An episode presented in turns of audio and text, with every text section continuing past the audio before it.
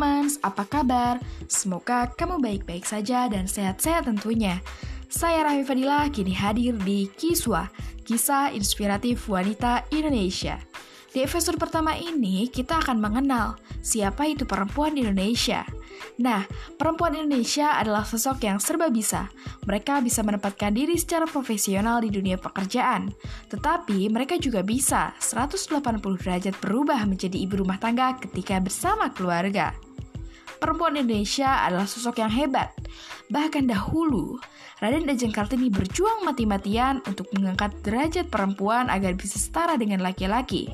Perjuangan Raden Ajeng Kartini pun tidak boleh disia-siakan oleh kita perempuan Indonesia masa kini. Teruslah bermimpi dan wujudkan, bangun dan menginspirasi. Sekian episode pertama Kiswa, kisah inspiratif wanita Indonesia. Sampai jumpa di episode selanjutnya.